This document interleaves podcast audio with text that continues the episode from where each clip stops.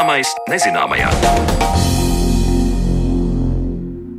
Esiet sveicināti! Šis ir raidījums zināmais nezināmajā un studijā, kā ierašajā laikā esmu Sandra Kropa. Šodien mēs pievēršamies gada varoņiem un runāsim par kādu ļoti iecienītu nomināciju - gada dzīvnieku. Dabas muzejs šogad ir izvēlējies kādu mazu, visai neparastu dzīvnieku, kas diezin vai nāks prātā kā bieži redzēts Latvijas dabā un tomēr tā ir ķirzaka. Ar ko neparastas pļavas un sila ķirzakas, kā tām klājas Latvijā un ko par tām zinām, ķirzaku dosjē tuvāk iepazīsim jau raidījuma otrajā daļā, bet pirms pievēršamies ķirzakām uzzināsim, kas bija Džeims Loveloks un viņa slavenā Gaia hipotēze. Britu vides zinātnieks Džeims Loveloks savā 103 gadu garajā mūžā atstājis ievērojumu mantojumu hipotēzi par to, ka planēta darbojas kā vienots veselums un spēj patstāvīgi regulēt procesus tajā. Šī teorija radīja diskusijas, piekritēja pulku un kritiķus, un par to visu vairāk Marionas Baltkalnes sižetā. 2022. gadā tieši savā 103. dzimšanas dienā mūžībā devās angļu zinātnieks Džeims Lavloks. Tas nenoliedzami bija brīdis, lai no jauna izvērtētu gan Lavloka devumu zinātnē kopumā, gan Gajas hipotēzi, ar kuru viņa vārds pazīstams vislabāk un kas stāsta par Zemi kā par pašorganizējošu sistēmu. Lavloks tiek dēvēts par celmlauzi zinātnē, par klimata pareģi, taču viņa atzinumiem bijis arī daudz kritiķu. Lai plašāk uzzinātu, kas tad bija Džeims Lavloks, Uz sarunu esmu aicinājusi Latvijas Universitātes Geogrāfijas un Zemes zinātņu fakultātes profesoru Viesturu Meleci. Un vispirms profesors sniedz nelielu ieskatu Lavloka biogrāfijā. Nu, jāsaka, ka Džeims Laveloks tiešām ir unikāla personība. Nevien tāpēc, ka viņš ir nodzīvojis 103 gadus, kam, protams, arī bija liela nozīme, lai viņš varētu ilgu laiku paust savus uzskatus. Un viņš bija pēc savas specialitātes ķīmiķis. Īstenībā viņš pat nevarēja iestāties universitātē, jo viņa vecāki nesot varējuši samaksāt par to. Un tad viņš ir mācījies, kā saka, zemāka līmeņa mācību iestādēs, bet ļoti daudz viņš ir sēdējis bibliotekās un apguvis dažādas zinātnes pats. Tā kā viņš arī sevi uzskata par tādu zināmu autodidaktu. Viņš bija arī liels izgudrotājs. Viņš izgudroja mm, savā laikā tādas ierīces, kuras mūsdienās varbūt ir modernākas, bet viņš tāds vienkāršs prototyps izgudroja vielu un gāzu reģistrācijai un viņš ar tām arī darbojās. Cik ir zināms, viņš ir arī ieguvis patentu par vienu šādu izgudrojumu, un kā viņš pats raksta savā biogrāfijā, tas viņam deva līdzekļus iespējai turpināt savu izglītošanos. Nu, viņš kā eh, redzama personība ātri iemantoja interesi, un viņu uzaicināja strādāt tādās ļoti atbildīgās iestādēs, kā Jet Propulsion Company, kā latviešu to būtu tulkojumu reaktīvo dzinēju izstrādes kompānija, kur viņu uzaicināja nu, kā konsultantu un kā izgudrotāju. Un, uh, Tāpat viņš kosmosa aģentūrā daudz strādājis ir, un e, visu laiku viņš ir centies šos savus uzskatus paust un rakstīt par viņiem. Viņš ir sarakstījis vairākas grāmatas par šo savu gāju hipotēzi. Nu, kā viņam nāca prātā šāda doma, kā viņš pats raksta, ka viņš ir sācis strādāt par to problēmu, vai uz Marsa ir dzīvība. Un viņi tas sāka interesēt. Nu, beigās jau uz Marsa nav dzīvības, un uz Venēras nav dzīvības. Viņš saka, un tai pašā laikā ir zināms, ka Saule pēdējo laikmetu e, griezumā pat pa 30% devusi spēcīgāku izstarojumu. Viņš saka, kā tad mēs šeit uz Zemes varam saglabāt šo dzīvību? Ja? Nu, un, lūk, šīs viņa domas. Ķīmiķis būdams, protams, ļoti daudz pievērsās atmosfēras e, jautājumiem, kā, kāpēc mums teiksim, veidojās šī skābekļa bagātā atmosfēra, kaut gan teiksim, uz Venēras, uz Marsa. Tad, tad ir ogliskābā gāze, kā dominējošā gāze atmosfērā. Viņš nonāca pie secinājuma, ka tā ir dzīvība, protams, kas ir devusi skābekli Zemes atmosfērā. Īsnībā jau viņš nebija pirmais, kas izteica to domu, ka dzīvajai dabai, dzīvniekiem, augiem ir milzīga nozīme nedzīvās vidas veidošanai uz planētas. To jau pirms viņa, kādus gadu desmitus, jau izteica ievērojamais ukraiņu eh, zinātnieks Vernackis kurš būtībā skaitās galvenais autors terminam biosfēra. Tad Lūk, Vernackis jau bija tas, kurš eh, teica, ka mūsu nedzīvās dabas komponenti, atmosfēra, augsne, ūdeņi, viss ir veidojušies dzīvo organismu ietekmē. Un būtībā Lavaloks aizgāja tālāk. Viņš teica, ka šie komponenti, dzīvā daba un nedzīvā daba kompleksā veido sistēmu, kas ir, kā viņš uzskatīja, pašorganizējoša. Tātad viņa spēja pašusturēties un e, pretoties ārējām ietekmēm, tāpēc viņa tad, tad neaiziet bojā. Šīs gaja hipotēzes gadījumā mēs nemaz neizšķiram, piemēram, tādu atomāro, molekulāro vai kaut kādu orgānu sistēmu līmeni. Mēs runājam par vienu lielu ko ekosistēmu kopumu, kurā vienkārši ir viss kaut kas iekšā, bet mēs tās sīkākās detaļas neizšķiram. Sanāk tā? Jā, zināmā mērā, starp citu, to viņam arī pārmeta, ka viņš e, virzās uz domu, ka e, biosfēra Zeme varētu būt salīdzināta ar tādu kā superorganismu kaut kādas paralēlas tur var vilkt, bet tas tā nav. Tomēr dažādi sistēma līmeņi ir atšķirīgi. Mēs ņemsim teiksim, cilvēku organismu ja, un, un biosfēru. Protams, abās šajās sistēmās ir šie regulējošie faktori, bet viņi darbojas savādāk. Biosfērā lielāka loma ir varbūtiskiem faktoriem, tātad saitēm starp šīs sistēmas elementiem, kamēr teiksim, cilvēku organismā tas viss notiek samērā precīzi. Tur ir asinsrite un nervus impulsi impulss darbojās ļoti precīzi. Tur varbūtību ir daudz mazāk.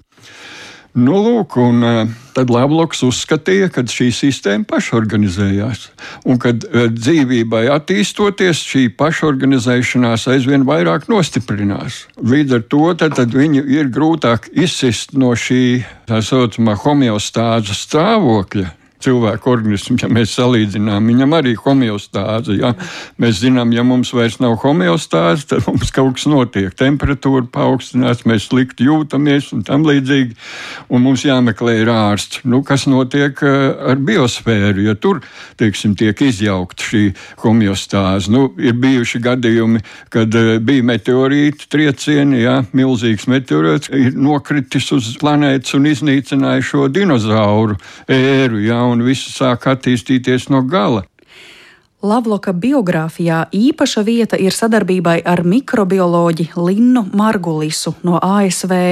Darbs kopā ar Linnu Margulisu ļāvis Lavlokam gūt zināšanas mikrobioloģijā. Tādējādi viņš skaidrojis, ka tik ļoti nepieciešamo līdzsvaru jeb homeostāzi cilvēkam uztur mikrobioms. Taču, ja runājam par jēdzienu līdzsvars, tad viesturs Melicis norāda, ka tāda dabiskā līdzsvara nemaz nav. Viss ir mainīgā plūsmā, kurā dažādi procesi tiek apspiesti vai gūst virsroku. Tāpat arī biosfērā mēs varam runāt tikai par nosacījumu nosacītu līdzsvaru, jo patiesībā visas sistēmas dabā virzās uz nesakārtotību jeb entropiju arī ko pārmet um, Lavlokam, kad viņš tā nav īsti domājis, vai šī regulēšana ir tik precīza, jo ir bijuši vairāk ledus laikmeti uz Zemes, kad vispār Zeme ir, kā tālaini to zinātnieki nosauc, ir veidojusi sniega piku. Nu, e, Lavloks, lai paskaidrotu to pašorganizācijas sistēmu, kā tas darbojas, viņš izgudroja ar vienu savu kolēģi tādu saucamo Daisy World modeli. Nu, Dalčiski varētu to nosaukt par margarietiņu, ja pīpeņu modeli. Ja? Un viņš saka, pieņemiet, ka uz Zemes ir divas pīpeņu sugas. Viena ir melnām ziedlapiņām, otra ir baltām ziedlapiņām. Tā, kas ir ar baltām ziedlapiņām, tā mīl augstāku temperatūru. Savukārt tā, kas ir ar, melnām ziedlapiņām, mīl mazāku temperatūru. Nu, viņš saka, tagad pieņems, ka temperatūra paaugstinās, un tām melnajiem ziediem nav labvēlīgi. Viņi iet, teiksim, iznīkšanas virzienā. Bet uz tā rēķina nu, uzplaukst tā e, gaišā forma. Ja? Bet ko gaišā forma savukārt viņai ir liels albēdo, atstarošanas spēja, un viņa atstaro šo siltumu un līdz ar to temperatūra krītās. Un tagad, kad temperatūra krītās, atkal uzplauk šī tumšā forma. Nu, Tālāk, mainoties šīm abām sugām, viņu proporcijām, mainās temperatūra. Tā viņš tā vienkārši paskaidroja, kā notiek šī pašregulācijas e, sistēma. Nu, protams, ka šis modelis ir stipri vienkāršots. Viņam ir bijuši vairāki arī citi modeļi. Viens tāds modelis ir CLAW, jeb kleju, laikam, angliski, ja mēs to raksturotu. Šīs nosaukums viņam ir radies no četru uzvārdiem, kuri bija Lavloga domu biedru. Viņi kopā šo modeli izstrādāja. Vairums no viņiem bija ķīmiķi un atmosfēras pētnieku. Tad, nu, kā šis modelis darbojās? Tad, tad okeānā ir aļģes, Viņš pieminēja tādu aļģu grupu, kokolitoforīdi, kuri tad, tad attīstās okeāna ūdenī. Viņi tur ļoti daudz, un jo vairāk ir gaismas un saules siltuma, jo viņi intensīvāk tad, tad eh, vairojās tur. Bet šīs aļģes lūk producē dimetilsulfīdu ūdenī. Un izrādās, ka dimetilsulfīds izgaro no ūdens virsmas un paceļās atmosfērā. Nu, un atmosfērā viņš tur pārveidojoties par uh, sēra dioksīdu, un savukārt sēra dioksīds pilieniņu veidā uh, koncentrē ap sevi nu, ūdeni un ūdens tvaikus, un līdz ar to veidojās mākoņi. Nu, lūk, šie mākoņi aizsedz sauli, un viņa vairs nespīd tik spoži un nekarsē tik ļoti, un kokolitoforīda ūdens temperatūra nokrītās, un viņa vairs tā nevairojās tik strauji. Nu, lūk, tāds cikls, ja? kā viņš uzskatīja, kā veidojās nu, Zemes klimats. Nu, vēlāk, protams, atrada, ka nu, ir daudz arī neprecizitātes, jo tā bioloģiskā puse tur mazliet klibo šajā modelī, bet fakts kā tāds, nu, interesanti tas ir. Šī gajas hipotēze. Citu, šo gaisa ideju viņam pasvieda viņa kaimiņš, Goldings, Viljams Goldings. Un Gaja? Tā ir grieķu dieviete zeme.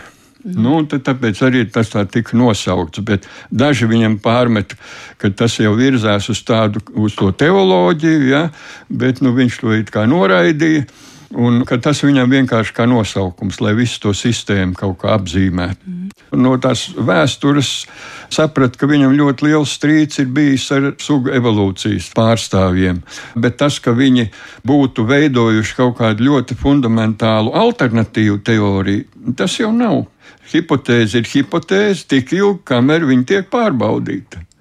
Un tiklīdz viņi sāk pārbaudīt, tad mēs varam viņu vai nu noraidīt, vai pieņemt. Mm. Nu, lūk, daudzas šīs lavloka hipotēzes īstenībā nav pārbaudāmas pat laboratorijā vai kā citādi. To ir ļoti grūti izdarīt. Bet kā zinātniskā pasaule vispār šobrīd kopumā lūkojas uz šo gajas eh, hipotēzi, un vai tai ir arī kaut kāda atzīšana, piekrišana nu, Britu vidē vai tomēr plašākā mērogā?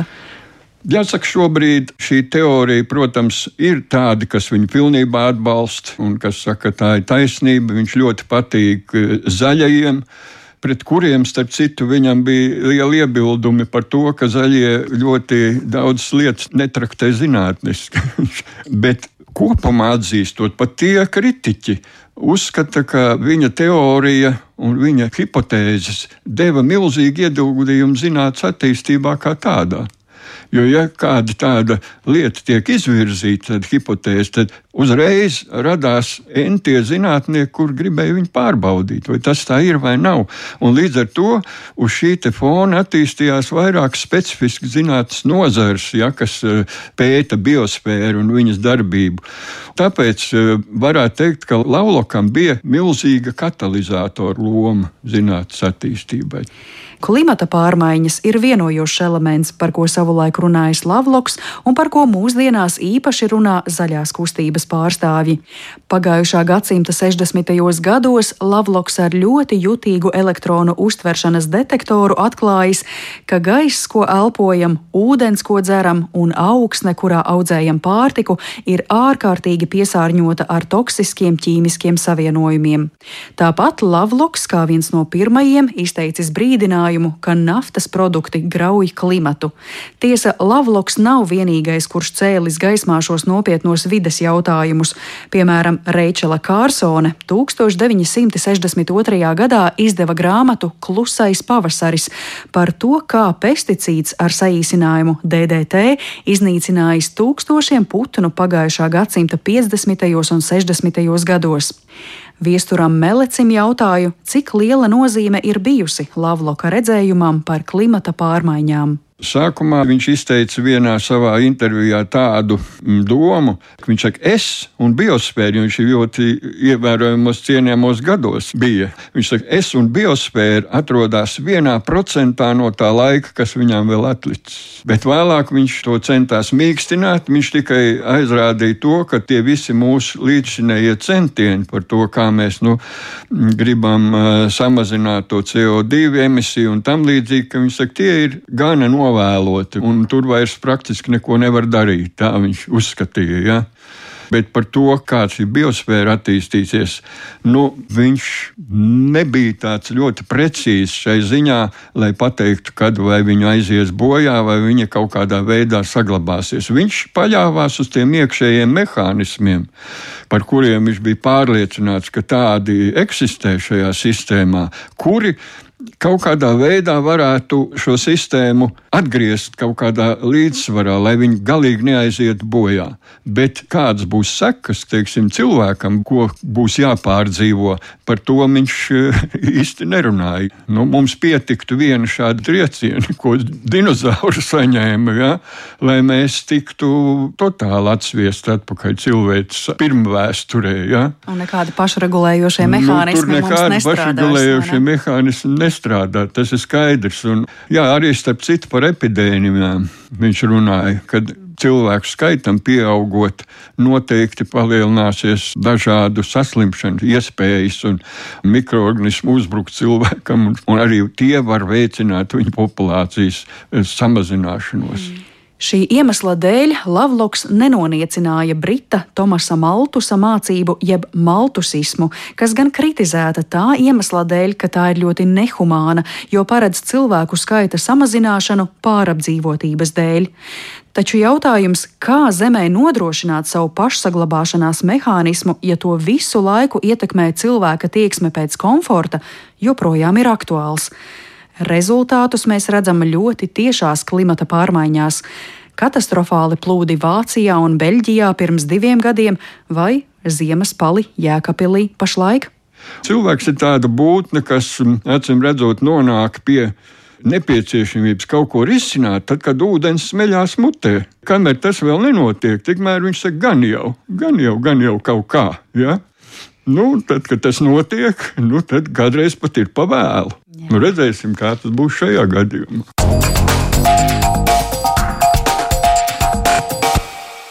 Paldies Marionai Baltkalnei par sagatavoto stāstu, bet raidījuma turpinājumā pievēršamies ķirzakām šī gada Latvijas gada dzīvniekam.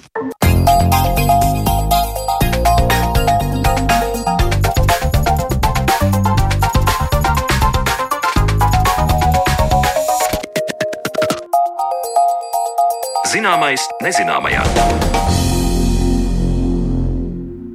Dzīvnieks, kurš pēc skata atgādina par to pasauli, kas bija pirms simtiem miljoniem gadu, pielāgojusies arī mūsu laikmetam un mūsu platuma grādiem. Tā ir ķirzaka. Šis rāpulis šogad izpelnījies dabas muzeja gada dzīvnieka titulu. Kāpēc un ko vispār mēs zinām par šo rāpuli Latvijas dabā, par to mēs vairāk runāsim ar mūsu studijas viesiem. Un šodien studijā sveicu Elīze Skultānu, tātad Latvijas Nacionālā dabas muzeja vecāko muzeja pedagoģi. Labdien! Labdien. Kā arī zoologu un bioloģijas zinātņu doktoru Andriu Čeirānu. Labdien! Labdien! Elīze, es sākšu ar jums, jo es saprotu, Latvijas dabas muzejs ir izvēlējies gada dzīvnieku, un tā šoreiz ir ķirzaka. Pastāstiet, kāpēc tā, kāpēc tāda izvēle, un tad jau droši vien precizēsim, kura tieši ķirzaka un kādas ķirzaks mums īsti Latvijas dabā mīt. Nu, jā, tā tad šoreiz izvēle krita par labu tieši ķirzakām. Viens bija tāpēc, ka mēs jau kādus vairākus gadus pēc kārtas bijām izvēlējušies zīdītāju un gribējās kaut ko arī bišķi savādāku.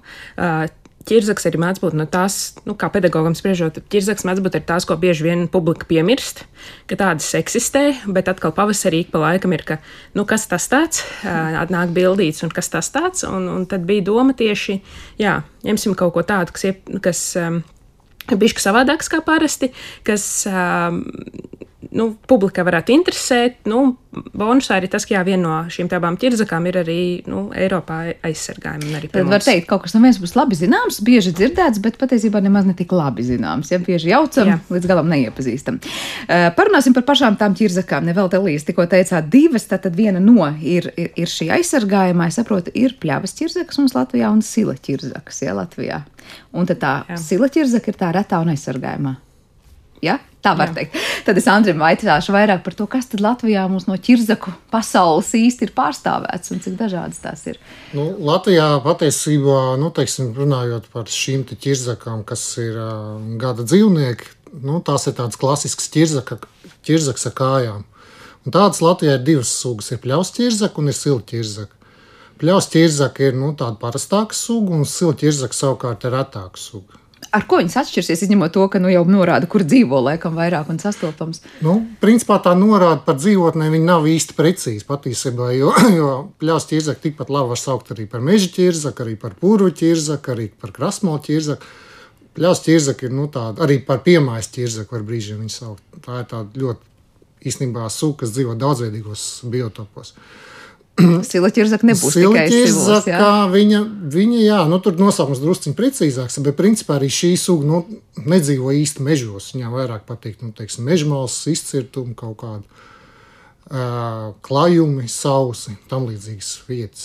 Latvijas geogrāfijas kontekstā, ja mēs saliktu tādu karti, varētu teikt, ka Sila ķirzakai būs konkrēts tāds areāls, kurā tā dzīvo, un tad tā pārējā būtu pļavas ķirzaka, vai Sila ķirzaka ir izcirtums, vai savas vietas var sastapt pilnīgi jebkur? Nu, Sila ķirzaka tiešām Latvijā ir sastopama diezgan nevienmērīgi. Ir teritorijas, kur viņa ir ļoti parasta, Piemēram, lai cik tas nebūtu dīvaini, īstenībā Rīgas tuvākajā apkārtnē, piemēram, Garkalnas apkārtnē, šī suga ir diezgan parasta. Tas saistīts ar to, ka tur ir gan piemērots dzīvotnes, gan arī cilvēki laikam zina, kur dzīvot, jo šeit ir arī labs klimats, teiksim, no silta ķirzaks viedokļa. Un savukārt ir teritorijas, piemēram, Latvijas ziemeļ, ziemeļaustrumu daļā, tāpat arī, teiksim, vidzemes centrāla augstienē, kur šī suga vispār nav sastopama. Nestoties uz to, ka tur arī ir, ir potenciāli piemērots dzīvotnes, bet nu, klimats šai sugai tur nav īsti piemērots. Tad tāds maigāks un ne tik bargas ziemas būtu tas atslēgas vārds. Nu, jā, īstenībā jā, un uh, silta ķirzaka vēl, teiksim, viņai ir tāda īpatnība, ar ko viņa atšķirās no pļaus ķirzakas, viņa dēja olas. Nu, tā kā viss tā apmēram nosacīta. Ja. Uh, pļaus ķirzakai savukārt viņa ir olu dzīvdzemdētāja. Un, uh, tas šeit silta ķirzakai uzliek nu, zināms ierobežojums. Viņai ir vajadzīgs nu, tāds uh, saules labi apspīdēts dzīvotnes un arī nu, siltāks klimats Latvijas mērogā. Savukārt plāsas ķirzaka, pat cik viņa ir olu dzīvdzemdētāja, viņš šīs olas uh, aiztur ķermenī, olvados Viņi visur faktiski viņas nesā līdzi un var izvēlēties no nu, dotajā brīdī labāko, siltāko vietiņu. Tas varētu būt iemesls, kāpēc eh, pļavas, eh, es atvainojos, silu ķirzak mums ir retāk sastopama, proti, varbūt tā izdētās olas kaut kur, pēc tam kāds tās nejauši vai tīši vai netīši sabojā, izbradā vai kā citādi apēd no dzīvniekiem, un tā, tā ir viena no problēmām. Nu, teiksim, olas pašas ir ļoti maziņas, jā, viņas īsti neviens tā atrast nevar. Ja, bet, eh, bet tieši, tieši šis klimatiskais faktors ir nu, ļoti būtisks šai sugai, kas, kas ierobežo viņas izplatību. Latvija faktiski arī īstenībā nav īpaši tālu no silta ķirzakas areāla ziemeļu robežas. Tad tālāk uz ziemeļiem vairs nav. Nu, viņi ir Igaunijā, bet Igaunijā viņi sastopam arī nevienmērīgi. Par izskatu runājot, es arī Elīzei gribu atkal dot vārdu. Varbūt varam tā ieskicēt, nu, izņemot to, ka jūs pateicāt, abas šīs e, ķirzaks ir ar kājām, jā, bet e, lielas, garas, tumšas, gaišas, kā tās izskatās? Nu, jā, principā viņas ir. Tad arī salīdzinoši viens no mazākajiem e, dzīvniekiem, ko mēs esam izvēlējušies, pat mazāks kā pagājušā gada zebiekste. Tā tad līdz kādiem pļavas ķirzaka līdz kādiem 10-12 centimetriem, uh, sila ķirzaka var būt līdz pat 20 centimetriem. Uh, tā starpība krāsojumā, nu, pļavas ķirzaka ir tāda brūnganāka, uh, nu, tāda nu, Latvijas palākais variants, teiksim tā. Uh, bet uh, sila ķirzaka viņai tātad riesta laikā, kas ir pavasarī, tēviņi varbūt arī diezgan ar košu zaļu krāsojumu, un viņas pašas pa sevi ir druknākas nekā pļavas ķirzaks. Tātad tās, ko visbiežāk nu, bērni mēdz redzēt, un tās droši vien laikam tomēr būs pļavas ķirzakas, bet nu, var jau gadīties, ka ir arī redzējuši silu. Jā, varbūt tie, kas tajā garkalnē dzīvo, jā, vai kā jūs teicāt, tur iespējams, ka tieši būs sila ķirzaks. Bet par to, cik bieži mēs varam vai nevaram redzēt, es nezinu tā, cik daudz mēs teiktu, jā, mēs bieži redzam ķirzaks. Nu, vai tas ir atkarīgs, protams, no tā, kur mēs dzīvojam un cik mēs esam uztrenēti skatīties dabā, vai mēs patiesībā nepamanām, paējam garām un, un nezinu, izmanīgi ķirzaka no mums pazūd pirmā. Mums ir iespēja diezgan daudz, bieži uz soļa satikt ķirzakas Latvijas dabā. Jā. Principā, runājot par ķirzakām, tieši varētu teikt, ka patiesībā tas ir viens no tādiem pateicīgākiem novērošanas objektiem cilvēkam. Jo faktiski viņām patīk tas pa, pats laiks kā cilvēkiem. Jā, viņas arī ir aktīvas siltā, saulainā laikā, kas nu, nav īpaši raksturīgs daudziem citiem dzīvniekiem, piemēram, zīdītājiem. Jā, nu, tie paši, piemēram, eži dzīvo, dzīvo Rīgā, Rīgas nomalēs, jā, bet cilvēki viņus parasti neredz, jo viņi ir aktīvi un aktīvi. Savukārt, ķirzaks šajā ziņā ir ļoti pateicīgs. Vienīgais, ka viņas ir nelielas un uh, bieži cilvēki nezina, uh, kur skatīties. Tāpēc arī viņas nepamanā. Hm? Nav kāds piebildes? Jā, nu, tas arī bija, kāpēc mēs izvēlējāmies šoreiz ķirzakli, jo atšķirībā no tā paša zebiekstes, nu, zebieksts bija ļoti grūti jebkuram cilvēkam redzēt, arī ekspertam, bet tāpēc ņēmām ķirzakli, lai Nu, cilvē, tas ir kaut kas tāds, ko cilvēku redzēt. Un pēc pieredzes vienkārši arī pavasarī, kad pirmie sāk palikt silts, visi sāk kaut kur bišķiet mežā pa meža stakām staigāt, viņš vienkārši jāstāv zem kājām. Vai arī, piemēram, bieži vien ir uz dažādām purva laipām siltum, siltā laikā uh, redzams. Un, nu, vienkārši jā, jāstāv zem kājām, jāskatās, tad, kad ir silts. Jā, jābūt uzmanīgiem. Um, Andri, jūs teicāt, sākumā šīs ir ķirzaks ar kājām. Es domāju, ka arī jāparunā par ķirzakām bez kājām. Vai jūs domājat par glodeni, ko mēs bieži par čūsku? čūsku piesaucam nepareizi Latvijā. Jā, es domāju, tieši glodeni. Patiesībā, kā nesen izrādījās, Latvijā ir divas glodeņu sugas. Un tas izdevās noskaidrot pēc, faktiski pēc ģenētiskajiem pētījumiem. Un šo sugu izplatība Latvijā nu, nav īsti skaidra. Ja kaut kā nu, glodens kā grupa, teiksim, tāda plašāka dzīvnieku grupa Latvijā ir ļoti parasta. Un tās tiešām ir nu, ķirzaks, tāds pašs, lielā mērā tāds pašs ķirzaks, tikai bez kājām. Un, piemēram, viņas tā kā, tāpat kā citas ķirzaks var atnest asti. Tiksim, ja mēs, ja mēs nu, pieminam, ka čūskām, piemēram, ir diezgan, diezgan drošs transportēšanas, pārvietošanas veids, viņu paņemot aiz astes un paceļot gaisā. Ja. Tāda tā attiecībā uz gludnēm tā nevajadzētu darīt, jā, jo tas neizdosies. Būs kas piebilstams pie tās daudzveidības vēl par glodenēm un to, ko mēs mēdzam sajaukt ar ķirzakām. Jā, pieminot tās pašas astes, jā, tas gan ir lūgums. Es zinu, ka tas dažiem liktos tāds jauks eksperiments. Nu, neķeram arī ķirzaks un gadu dzīvnieku aiz astes. Tas tomēr uh, rada stresu tam dzīvniekam un uh, nu, prasa resursus, lai pēc tam to vismaz daļēji ataudzētu. Tāpēc neaizraujamies ar tādu lietu. Tieši tā, ne, nevajag dabā pārāk daudz aiztikt to, kas dabā ir pats par sevi jādrošina. Es, vēl, es vēl varētu pieminēt par tām astēm astēm, ja ķirzakām ir tā, ka īsnībā astēs viņas uzkrāj savus uh, tauku rezervus. Ja, respektīvi, šī ķermeņa daļa, nestoties uz to, ka viņi it kā velkās nopakaļ viņai, viņi faktiski ir diezgan būtiski. Jo, uh, jo nu, teiksim, pat, pat par dzīvnieku kondīciju var spriest pēc tā, cik viņam resni ir asti. Jo resnāka asti ķirzakai, piemēram, jo viņai ir labāka kondīcija. Nu, tātad šis te, šis te, šī te ķermeņa daļa, viņa nosaukšana tā, viņa patiesībā dzīvniekam ir diezgan nozīmīga. Jā, tā, tas mīts, ka, ah, nu labi, virsakā jau asti atsauga, jā, tas patiesībā ir ļoti, ļoti nepamatots. Runājot par tām astēm, pirmkārt, tad jā, izskanēja, ka tur ir tās barības vielas, kas vēl tur ir un kāda ir tā uzbūve tajā astē, ka viņi tā spēj nomest un ataudzēt un savukārt atkal uzkrāt. Vai mēs varam to salīdzināt ar tādu tā kā tauku metālīti, kas ir uzkrāts vai negluži? Nu, astē pirmām kārtām, nu, viņa ir. Uh, nozīme tāda, ka viņa dzīvniekam kustoties palīdz strauji mainīt virzienu, viņš var pamest astu uz vienu, uz otru pusi. Par astes atmešanu tas ir tāds tā saucamais pašsakropļošanās, jeb autotomijas mehānisms. Šis mehānisms patiesībā varētu būt diezgan sens, varbūt kādreiz piemīts arī daudzām citām dzīvnieku grupām. Un būtība ir tāda, ka astei divās vietās, viena vieta ir tuvāk astes pamatnē, un otra tuvāk vidum. Uh, ir īpaši skriemeļi, kuros ir nu, tādas, kuriem pa vidu ir tādas tā kā, potenciālās lūzuma zonas. Pie šīm zonām piestiprinās, atrodas nu, īpašs skrimšļu veidojums, un pie tā piestiprinās īpaši muskuļi, kas stresa brīdī savalkās un šo astu vienkārši pārauj uz pusēm. Pārlauž uz pusēm skriemeli, un pie reizes viņi arī šie muskuļi aizspiež asinsvadus. Uh, Un pēc tam arī pateicoties arī, nu, šim mehānismam, asta kādu laiku tā atmesta asta, kādu laiku kustās un pievilina plēsēji. Patiesībā tas ir tāda dzīve daļa, kas tiek atstāta uz to brīdi, ja, un uh, turpina nu, kaut kādu brīdi jā, to savu eksistenci. Jā, tieši tā. Un, Nu, protams, asta vēlāk attaug, bet nu, ķirzakām, kā pat cik šie dzīvnieki ir tomēr nu, jau diezgan sarežģīti. Bieži, bieži vien ir tā, jo sarežģītāks dzīvnieks, jo viņam attaug viss grūtāk. Ja, nu, teiksim, mēs nevaram attaudzēt nu, ne roku, ne kāju, ja, lai kā citreiz vajadzētu to darīt. Bet, uh, un ķirzakām noteikti tā, ka viņai faktiski arī šī kaula daļas vietā, kas atrodas astes, astes centrā, ja, nu, tātad mugurkaula, faktiski mugurkaula turpinājuma vietā, kas ir astē iekšā. Veidojās nevis kauls, bet skrīmslis, kurš pilda šo kaulu funkciju patiesībā.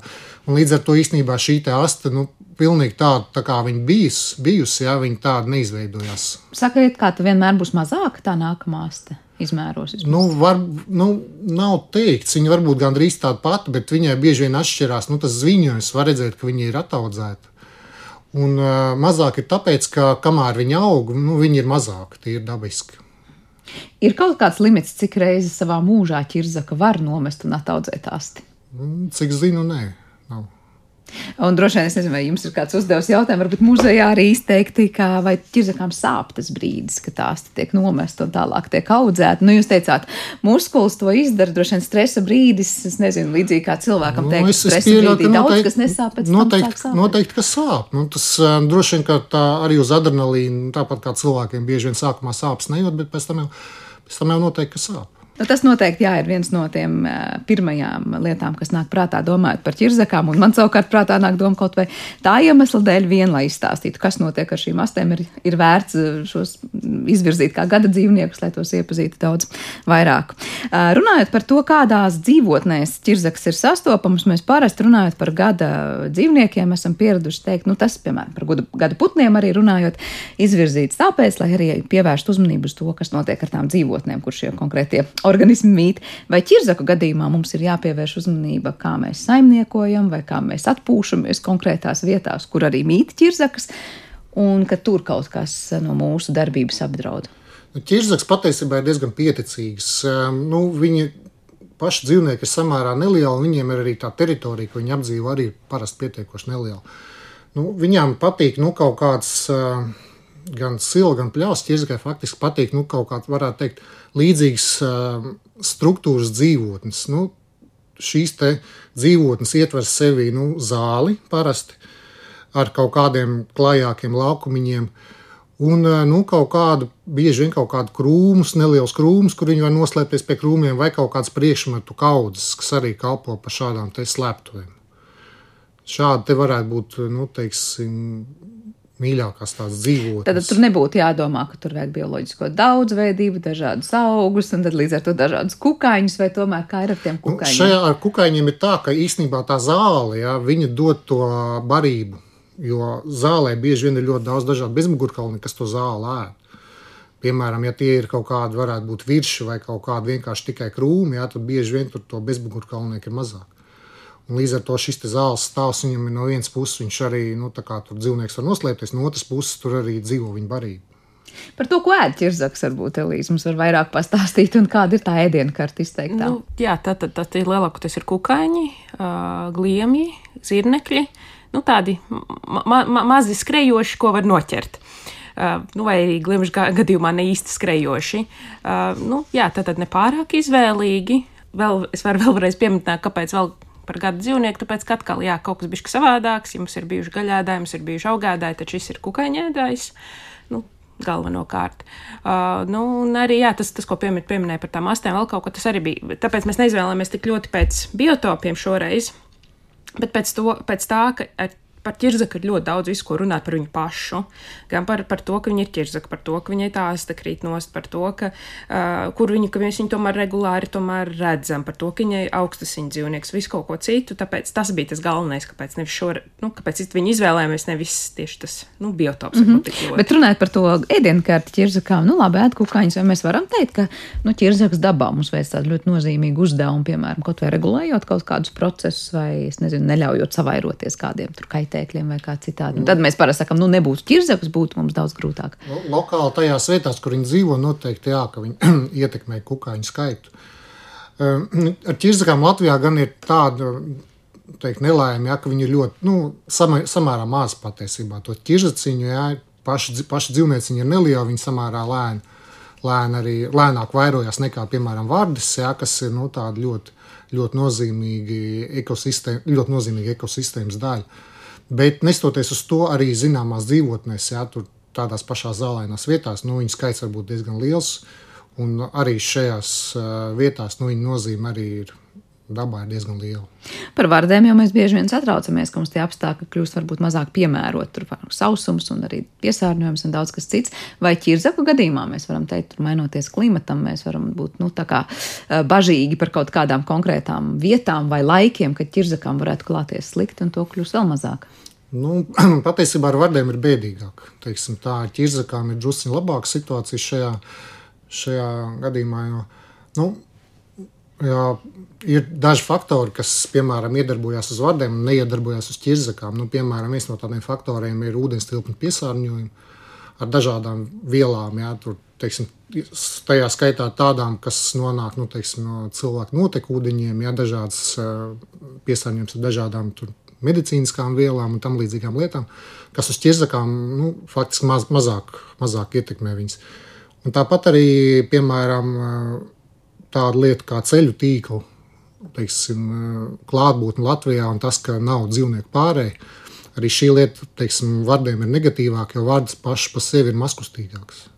Viņš nav tik mobils. Čirzaks ir ļoti ātrs. Viņas faktiski, ja viņas vēlās, viņas tam ceļam var pārskriet, pārskriet pāri nu, dažu sekundžu laikā. Kas padara ķirzaks par tik ātriem dzīvniekiem? Man liekas, tādas maziņas, nu, ja mēs runājam par tām, kas uz kājām, tad arī maziņas kājas, bet ļoti, ļoti veiklas.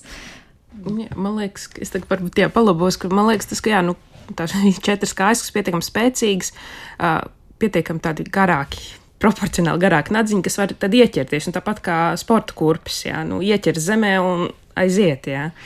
Nu, viņš arī ir viegls. Nav, nav tik daudz ko ne, nu, nest. Jā, jā. droši vien, Andri, papildināt. Un vēl es varu papildināt, ka ļoti, ļoti būtisks faktors ir viņu vielmaiņas ātrums. Uh, ka viņiem ir daudz ātrāka vilmaiņa salīdzinot, piemēram, ar, ar vardēm. Ja, un, ja viņas uzsilst saulē, tad principā viņi teiksim, īsos attālumos var pārvietoties tikpat ātri kā peli.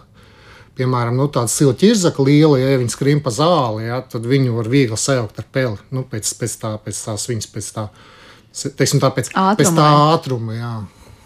Jā, par to siltumu un augstumu runājot, tad, tad nu, jūs arī teicāt, ka viņas, viņas var uzsilt saulē, sasilt un justies labi, kas notiek tad, kad ir augsts ārā, un tad, kad, piemēram, ir ziema, ko dara ķirzakas ziemā, kas ar tām notiek, kā tās izdzīvo. Nu, principā vēsākā laikā viņas vienkārši ielien savā aliņā un var, var, te, var nosaukt to par gulēšanu. Viņas atpūšas. Tātad. Bet tas ir tāds īsts ziemas miegs, tāda, tāda hibernēšanās. Uh, hibernēšanās, nu, īsts ziemas miegs viņam vairāk sākās uh, kaut kur, nu, galīgi jau kad ir kad rudens, ziema, jā, tad ķirzaks ziemo bieži vien tajās pašās vasaras, pavasara aliņās, kur viņi uzturās pavasaru. Ar, tā, arī, ar to pietiek? Ja, dažreiz pietiek, bet dažreiz viņas, protams, cenšas ielīst arī dziļāk, bet tas nevienmēr ir iespējams. Un, jā, un, un īstenībā, nu, teiksim, teorētiski viņa, viņa aktivitāte ir ļoti atkarīga no temperatūras. Teorētiski, ja tur teiksim, ziemas, ziemas laikā uznāks teiksim, plus 15 grādi un būs saule, tad teorētiski viņas var izrāpot ārā. Ja.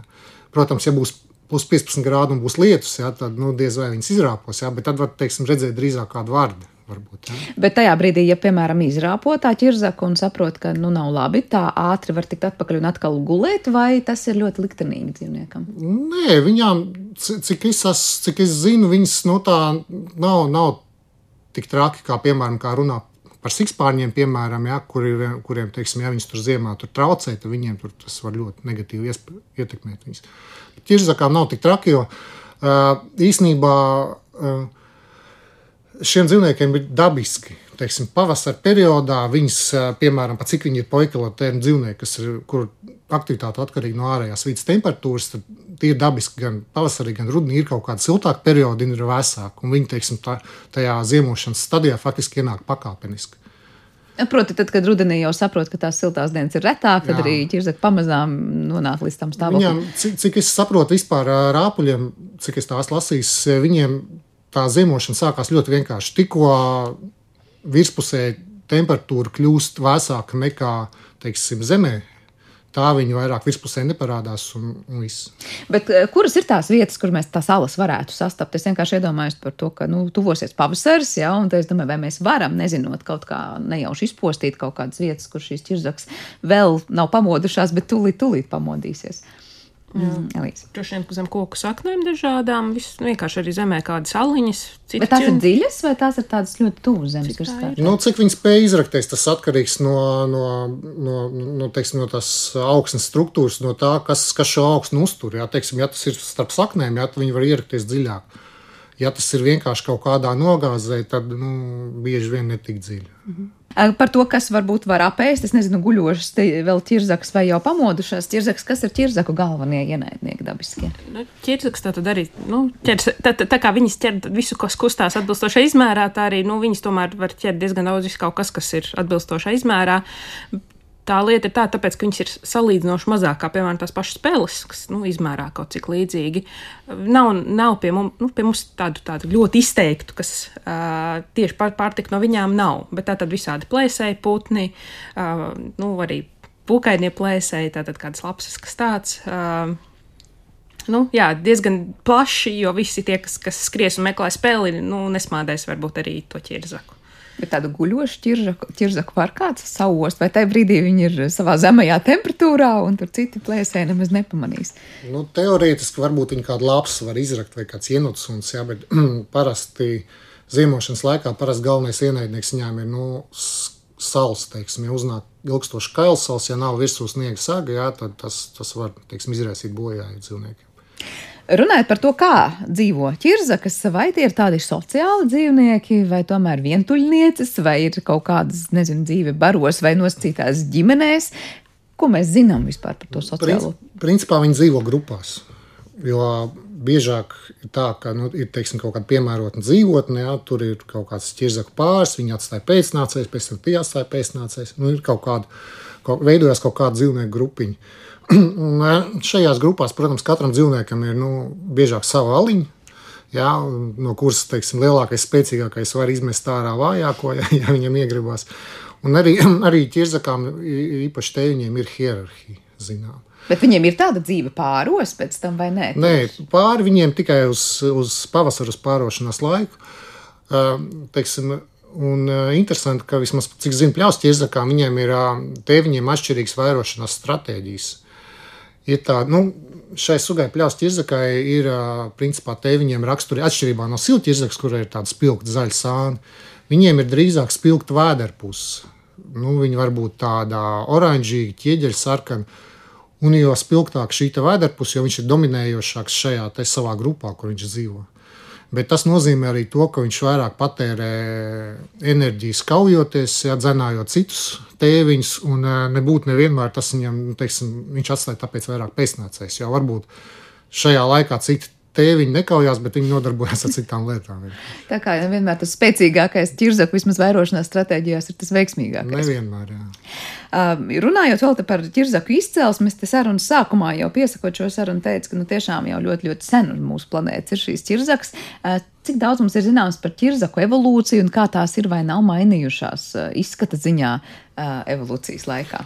Nu, principā cik uh, es zinu, tas senākie šīs grupas pārstāvji ir teiksim, no, no mezozoja ēras sākuma. Viņi ir uh, faktiski apmēram vienā laikā cēlušies ar dinozauriem pirmajiem. Tas ap, vairāk par 200 miljoniem gadu atpakaļ.